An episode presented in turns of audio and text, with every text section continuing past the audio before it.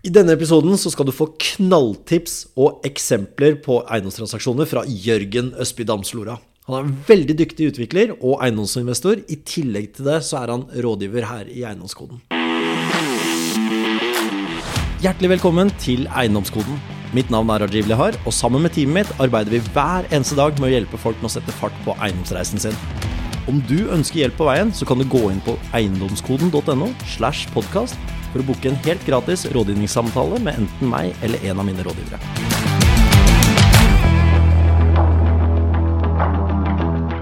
I denne episoden skal du få bli kjent med en som heter Jørgen Østby Damslora. Han har drevet med eiendom siden 2015, altså godt over 7-8 år eh, nå med eiendomstransaksjoner. Jeg har vært så heldig og fått jobbet med han i over tre år nå. Han har utvikla en god del eiendommer både i Norge og utlandet. Han har også drevet med utleie både i Norge og utlandet, og ikke minst snakka med over 3000 eiendomsinvestorer. Han er også nemlig en eh, rådgiver innenfor eiendomstransaksjoner og, og er utrolig dyktig til å sette seg inn i andres situasjon, for så å prøve å danne en strategi på hva som er på en måte enklest mulig måte å nå målsetningene sine på. Nøkkelen til suksess på en smart måte har jeg lært av deg, Jørgen. Så jeg vil først og fremst takke deg for at du tok deg tiden til å være med i dagens podkastepisode. Kan ikke du ta oss litt med på reisen, hvordan du starta med eiendom? Litt om din første transaksjon? Absolutt. absolutt. Veldig hyggelig å være her. Hyggelig å bli invitert. Eh, jeg starta rett og slett eh, i 2015. Som du nevnte, da gikk jeg sammen med en kompis. Vi hadde ca. 150 000 kroner hver i egenkapital. Eh, kjøpte oss en leilighet i gamlebyen i Oslo. Den kosta 3 millioner kroner. Det så ut som et vrak, for å kalle en spade for en spade. Så alt skulle fikses. Han kameraten min og jeg var null handy. For å, på en måte, vi hadde aldri gjort noe med eiendom før, og var heller ikke utdanna innenfor oppussing, for å kalle det det. Uh, men vi fikk en del folk, vi er venner og kjente, hadde et nettverk med folk som hadde gjort litt eiendom før. Uh, fikk inn håndverkere, rørleggere, elektrikere, fikk gode priser. Pruta forhandla, sto på, fikk til slutt uh, en totalpris for 400 000 kroner for å pusse opp 70 kvadrat. Som er ganske billig da i Oslo. Men problemet var at vi hadde null kroner på konto og 2,7 millioner i lån. Så vi tenkte litt sånn hvordan skal vi klare å betale disse gutta? Fikk inn en megler på befaring bare noen dager etter overtakelse, som ga oss en ny verdivurdering på leiligheten da på, på 3,5. Eh, tok med den til banken. Med litt eksempler og et investeringscase til banken fikk vi med oss de på en refinansiering. Slik at de fikk ut de 400 vi tenkte til oppussing i økt lån, og kunne sette i gang oppussinga. Eh, så dere kjøpte det mer eller mindre en eh, leilighet eller uten egenkapital? Ja, mer eller mindre. Med finansiering fra banken til å pusse opp? Ja, riktig. Ja, det, det, her er jo en av de tingene som jeg tror veldig mange altså Du, du har jo jobba som rådgiver med både eiendomstransaksjoner, snakka med sikkert 3000 eiendomsinvestorer eller folk som er interessert i å investere i eiendom. Uh, er ikke det her litt sånn uh, Bryter du ikke noen myter her, sånn? For du skal jo ha fem ganger inntekt og egenkapitalkrav og sånt for å komme inn på markedet? Jo, eh, det er helt riktig. Og, og, og, man hadde jo Altså, vi hadde jo verken eh, nok egenkapital i gåsetegn. Eh, for man skulle jo også den gangen ha 15% tror vi hadde ca. 10 og vi hadde jo i hvert fall ikke finansieringsgrunnlag innenfor fem ganger inntekt til å da få lånt opp ytterligere 400 til å pusse opp. Men vi fikk jo da pussa opp. Vi fikk jo også ny verdi etter oppussing på 4,4 millioner. Slik at den på 3,5 var sånn sett langt innafor. Og der skal jo min partner eh, ha mye creds, for han var veldig god på dette med design og interiør, da, som var hans passion, ikke min sterke side. Eh, så det, der traff vi også veldig godt. Fikk den ut i markedet eh, på Finn. da, Fikk mye folk på visning, og det ble en ganske heftig budrunde som da gikk fra 4,4 til 5,2. Og vi hadde gjort en veldig god deal, da. Så. Wow. Så, men hva, hva, vil du si er suksessfaktoren der? Altså, du, du, snakker jo med veldig mange mennesker eh, som ser på det som en utfordring. Hvordan eh, brøyt dere den barrieren? Altså det, det, det handler om, tror jeg, for mange, det er rett og slett at de, de både har lite informasjon, og den informasjonen de har, er veldig ofte eh, feil. Fordi veldig mange tror jo at det er skrevet i stein, f.eks. at du ikke kan få mer lån enn fem ganger inntekt, og at du alltid må ha så og så mye egenkapital. Eh, så bare det å kjenne noen, eller ha snakka med noen som har fått til det uten det, det åpner jo for at du tenker selv at å ja, så det er faktisk mulig. Og når du først ser at det er mulig, så kan man jo begynne å tenke på hvordan man skal få det til. på en måte. Ja, Veldig, veldig bra. Altså, nå har jo jeg vært så heldig å følge deg i tre siste årene. Altså, du er også veldig dyktig med det her med nettverk og partnere. Å tenke utafor boksen, tenke kreativt. Hvordan eh, vil du si at det er eh, approachen du har når du eh, skal bygge nettverk, f.eks., eller du skal få inn flere håndverkere? Hvordan holdning har du? Er jeg Mm. Eh, veldig godt eh, og viktig faktor, det der. Eh, fordi innenfor eiendom, og egentlig innenfor hva som helst av bransjer, så er nettverk og kontakter og forbindelser viktig. Det som er eiendom, er at man snakker jo alltid om hundretusenlapper og millioner i prosjektene man jobber med. Så det å alltid få en litt bedre deal, litt bedre pris, litt hyggeligere løsning, gjør at man sitter igjen med en del hundretusenlapper ekstra da, på båndlinja i hvert prosjekt.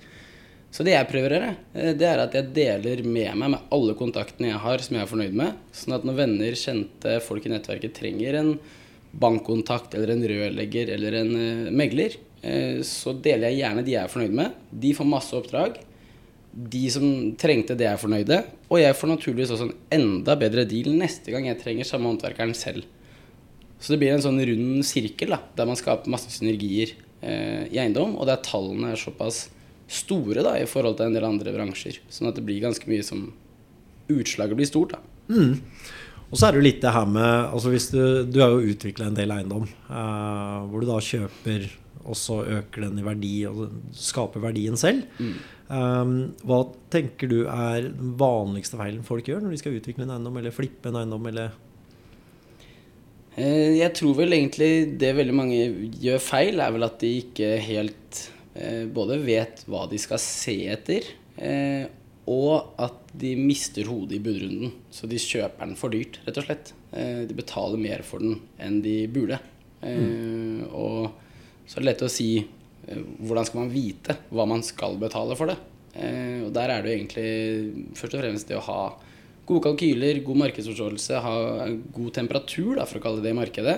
Og der er jo disse meglerne som man har som strategiske partnere, ganske avgjørende da, for å på en måte få dobbeltsjekka litt hva prisnivået bør ligge på da, i det området, i den transaksjonen. Bruker du også, hvis du ser på kostnadsbildet, da, nå er vi litt inne på det, ikke sant, med hva, hva tror du er feilen når eh, kostnadsbildet øker, eller at ting tar for lang tid, eller at det trekk, drar ut? Eh, Det er to ting, tror jeg. Eh, mangel på gode kontakter innenfor oppussing. Og, og at man, eh, man ikke helt vet hvor man skal kalle gjerne svi av kruttet, da. Eh, man kan få en leilighet til å se veldig fresh ut uten å bruke altfor mye penger, men man må også bruke penger der man bør bruke penger. Så det er jo en, ja, en eh, Har du, læringsprosess. har du noen eksempler på det, eller? Eh, eksempelvis, altså, la, oss ta, la oss ta et kjøkken. da, ikke sant? Eh, veldig mange tenker at det koster 200 000-300 000 kroner å pusse opp et kjøkken. Eh, på de siste fem leilighetene jeg har pussa opp, så har jeg aldri betalt mer enn 100 Ofte ned mot 60 000-70 000 for et ferdig komplett kjøkken. Eh, og det er naturligvis Ikea, som veldig mange har som et bilde på at det er billig. Eh, Men det funker, og det ser fint ut. De har fint design. Eh, så bruker man litt mer penger da på armaturer, litt mer penger f.eks. på koketopp, eh, hvitevarer, og så får man fortsatt den looken da, som gjør at det ser fresh og fint ut. Veldig, veldig godt poeng. Så det, det er ikke gullkraner, men OK-kraner. Ja, Godt nok, på en måte, er vel et ja. viktig ord der.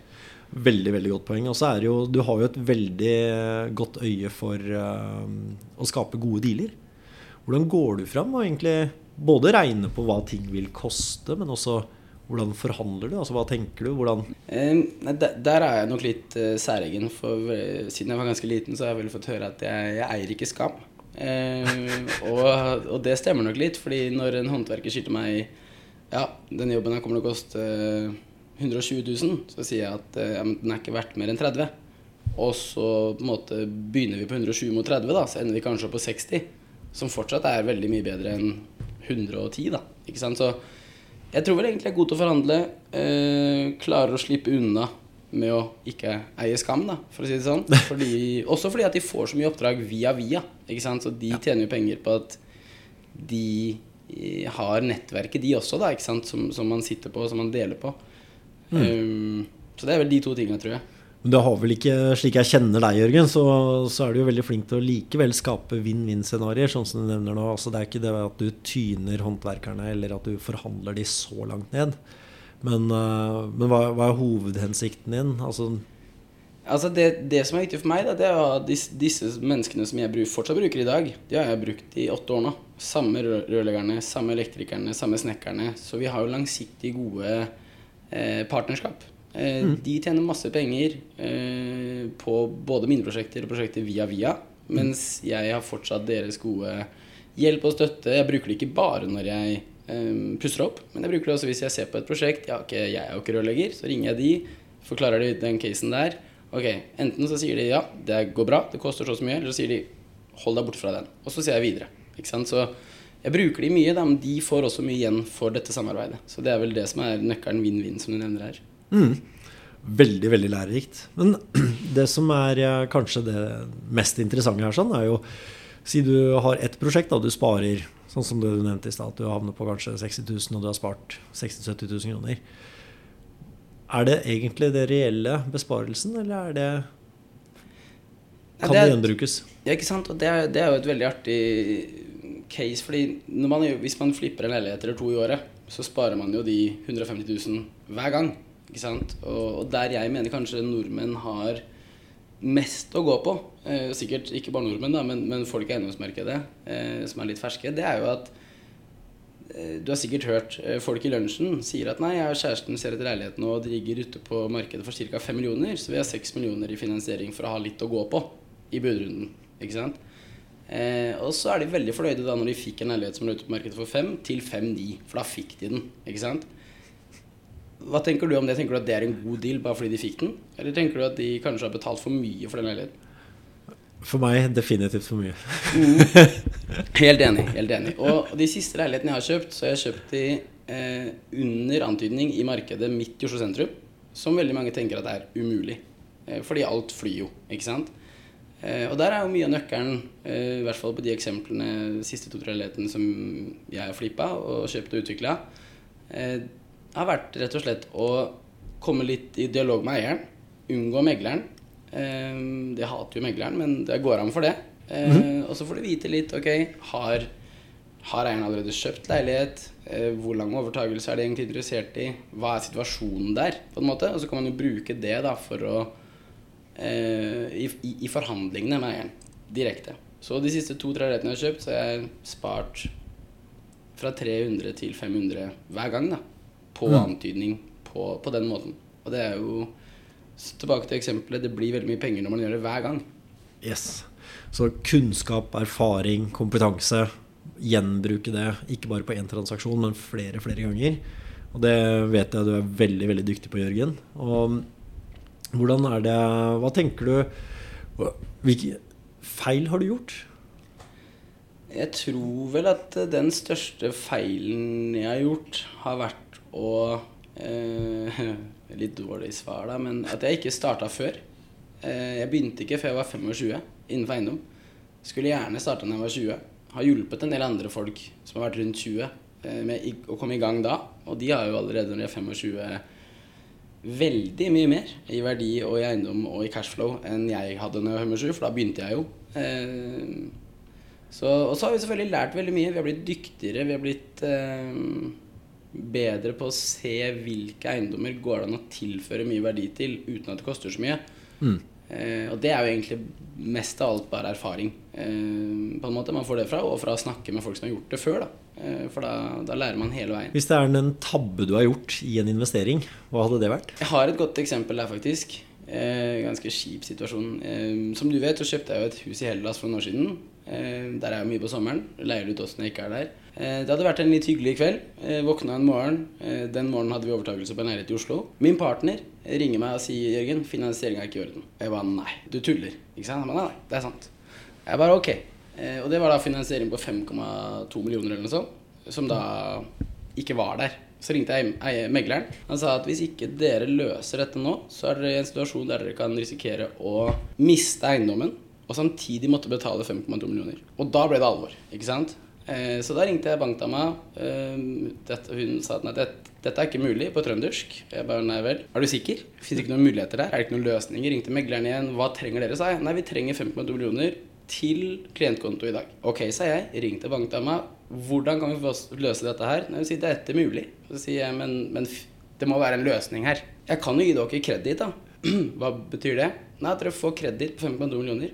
Ja, hva koster det? Nei, 10 000 kroner eller noe sånt. Ja, da gjør vi det. Og så var det løst. Ikke sant? Så det å, det å bare ikke gi seg ofte, det å på en måte alltid lete etter en løsning, eh, være løsningsorientert, ikke løsningsdeprimert, som jeg føler ganske mange andre er, det tror jeg kanskje er noe av det viktigste for å på en måte hele veien klare å komme seg videre. da, Og, og se på en måte en løsning istedenfor å fokusere på utfordringa. på en måte. Nå er du litt inne på det her med løsningsfokusert. Eh, jeg har jo lært veldig mye på holdning eh, fra deg, Jørgen, i forhold til hvordan jeg tenker eh, og hvor fokuset mitt er hen. Hva tenker du er typisk en utfordring for veldig mange nybegynnere? Altså i forhold til det med fokus og versus det å være løsningsorientert? Litt tilbake til det vi snakka litt om i stad. For veldig mange så handler det jo om at de, de tror at de trenger 500 700 000 egenkapital for å komme i gang. Så når de står og har 150 eller 0 på konto, så tenker de at da må jeg vente i fem år. Eh, så bare det å ha noen rundt seg som kan si at nei, vet du hva, jeg kjøpte min første leilighet jeg uten egenkapital. Å ja, så det er mulig. Ikke sant? Eh, så jeg tror for veldig mange så handler det om å eh, Det er vanskelig å endre holdninga uten at noe får deg til å endre den holdninga. Så du må på en måte ha noen rundt deg som du kan snakke med, og som har gjort bare noe av det du har lyst til å gjøre før. Og jo flere av de du har rundt deg, jo enklere er det på en måte å, å få litt av den holdninga, mindsettet, som gjør at du du vet hva, okay, hva er mulighetene dine, hva er mulighetene du har mulighet til nå. Eh, sånn at du kommer i gang, og så kan man bygge videre derfra. Da, for det er ofte det viktigste for mange. Hva tenker du, hvis du ser for deg tre scenarioer, da. Det ene er jo liksom en Enten en førstegangskjøper eller uh, en som vil ha en sekundærbolig. Og så har du den personen som egentlig ønsker å komme i gang og kanskje på sikt leve av eiendom. Og så har du en dyktig investor da, som har gjort en god del transaksjoner. Har du noen tips til hver av de tre gruppene? For å starte med de som er helt i startfasen. Mm. Um, der ville jeg fokusert på å utvide nettverket mitt med flere mennesker som har drevet med eiendom, og som driver med eiendom. Og jeg ville fokusert på å prøve å bygge opp kunnskap innenfor hvordan bransjen er, hvordan fungerer det. Rundt spesielt kanskje dette med finansiering, for det er jo det veldig, veldig mange ikke helt skjønner at det er mulig å få til fra deres utgangspunkt. Eh, så det er den gruppa. Eh, de som kanskje vil ha en sekundærbolig, eh, få, til en utleieenhet og skape litt cashflow. Der vil jeg si nettverk er viktig. Det å ha folk som kanskje har litt bankforbindelser, som er litt rundere i kanten enn bankforbindelser flest, for det er jo en viktig strategisk partner å ha. Og, det å på en måte ikke være så markedslåst. Altså ikke holde seg til bare bakgata der man bor, eller eh, landsbyen eller byen der man bor i. Men at man åpner opp litt mer, for da har man plutselig mulighet til å kjøpe noe for en helt annen pris da, enn det det kanskje koster hvis man bor i Oslo eller i Bergen f.eks. Veldig godt poeng. Hva tenker du på de som har gjort en del transaksjoner?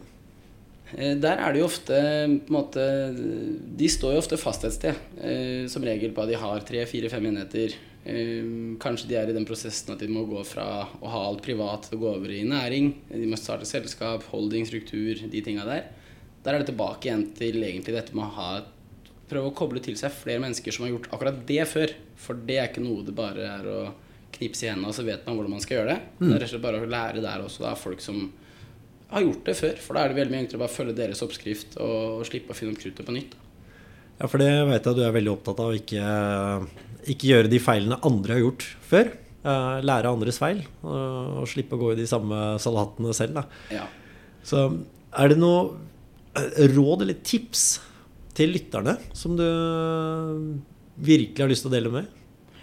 Eh, jeg vil vel egentlig bare si, og det gjelder vel alle gruppene eh, Samme om man er i startfasen og er eh, noen og 20 år, eller om man har en leilighet, eller om man har fem, og det føles tungt å komme seg videre, så, eller umulig for mange, så er det alltid mulig. Man må bare finne veien og snakke med noen som kan hjelpe de litt videre. Og for veldig mange så skal det bare et lite spark bak, og så er de i gang. Og jeg har sett folk ta steg som de ikke trodde var mulig, på bare seks til tolv måneder. Eh, og hatt en helt annen livssituasjon. Så, Så det er litt gøy hvilken effekt det har å bare få litt mer kunnskap, litt mer nettverk og litt veiledning, og så er man plutselig på et helt annet sted enn man trodde man kunne være. da. Som en av rådgiverne i Eiendomskoden, Jørgen, så snakker du jo med veldig mange mennesker hver eneste uke.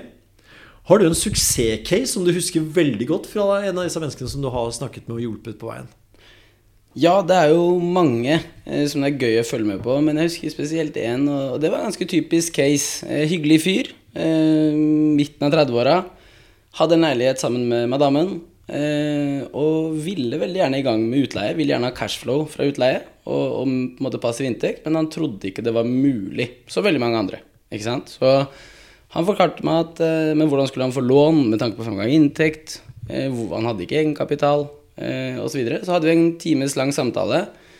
Eh, jeg forklarte han litt på hvordan han burde gjøre det med finansiering, hva han burde se etter, og, og hvordan på en måte kom i gang, da, som jo var det verste for han.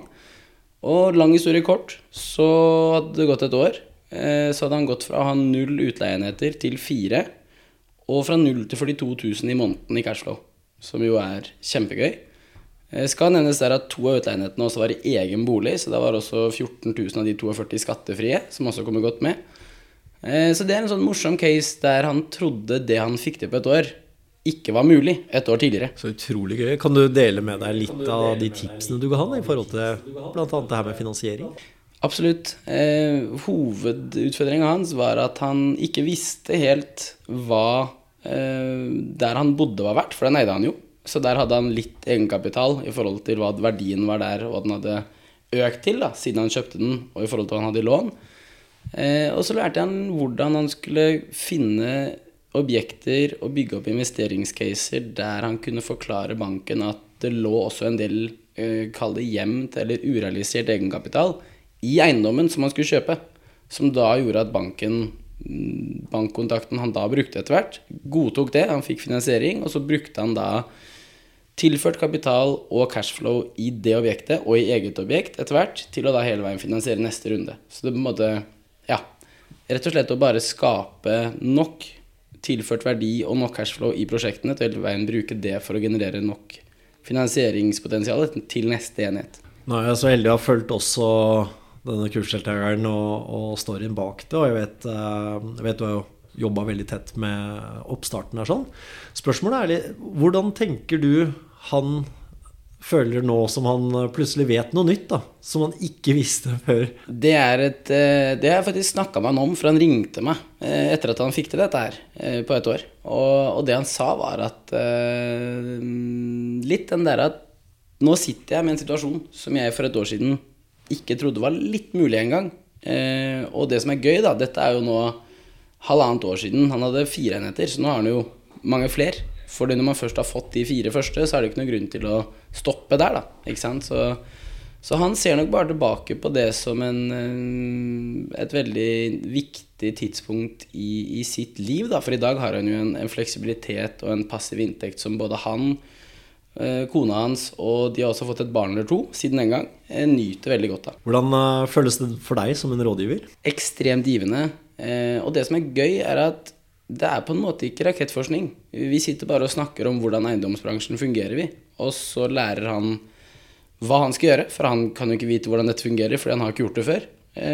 Og når han da i tillegg får litt hjelp, litt veiledning, bruker litt av de samme kontaktene, forbindelsene og strategiske partnerne som vi allerede sitter med, så blir det jo også veldig, veldig mye enklere å, å ta stega. Så utrolig givende, Jørgen.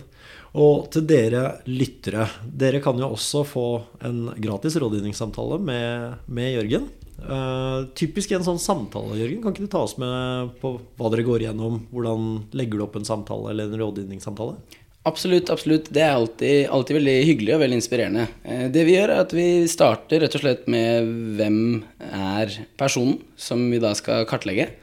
Eh, altså typisk hvor er de i livet, hvor gamle er de, hva jobber de med, eh, hva har de av eiendomserfaring og eventuelle eiendommer, mm. og hva er målet deres. Og så går vi selvfølgelig da på hva skal til for å nå de, de målene, både kortsiktig og langsiktig. Eh, og, og, hvis vi da ser at med vår hjelp, veiledning, og vårt kall det system da, kan hjelpe dem, så vil jeg da få dem med på laget og sørge for at de når de målene og blir en suksesshistorie. Så utrolig givende. Jeg har jo fulgt med på et par av de. Og til dere som lytter, eh, hvis dere er interessert, så kan dere få en gratis rådgivningssamtale, enten med meg eller Jørgen eller en i teamet. Gå inn på eiendomskoden.no slash podkast. I tillegg til det så ønsker jeg at du både legger igjen en kommentar og hjelper oss med en rating. For på den måten så kan vi nå ut til enda flere mennesker og forhåpentligvis hjelpe enda flere. Til vi høres igjen, ha en fortreffelig god dag videre.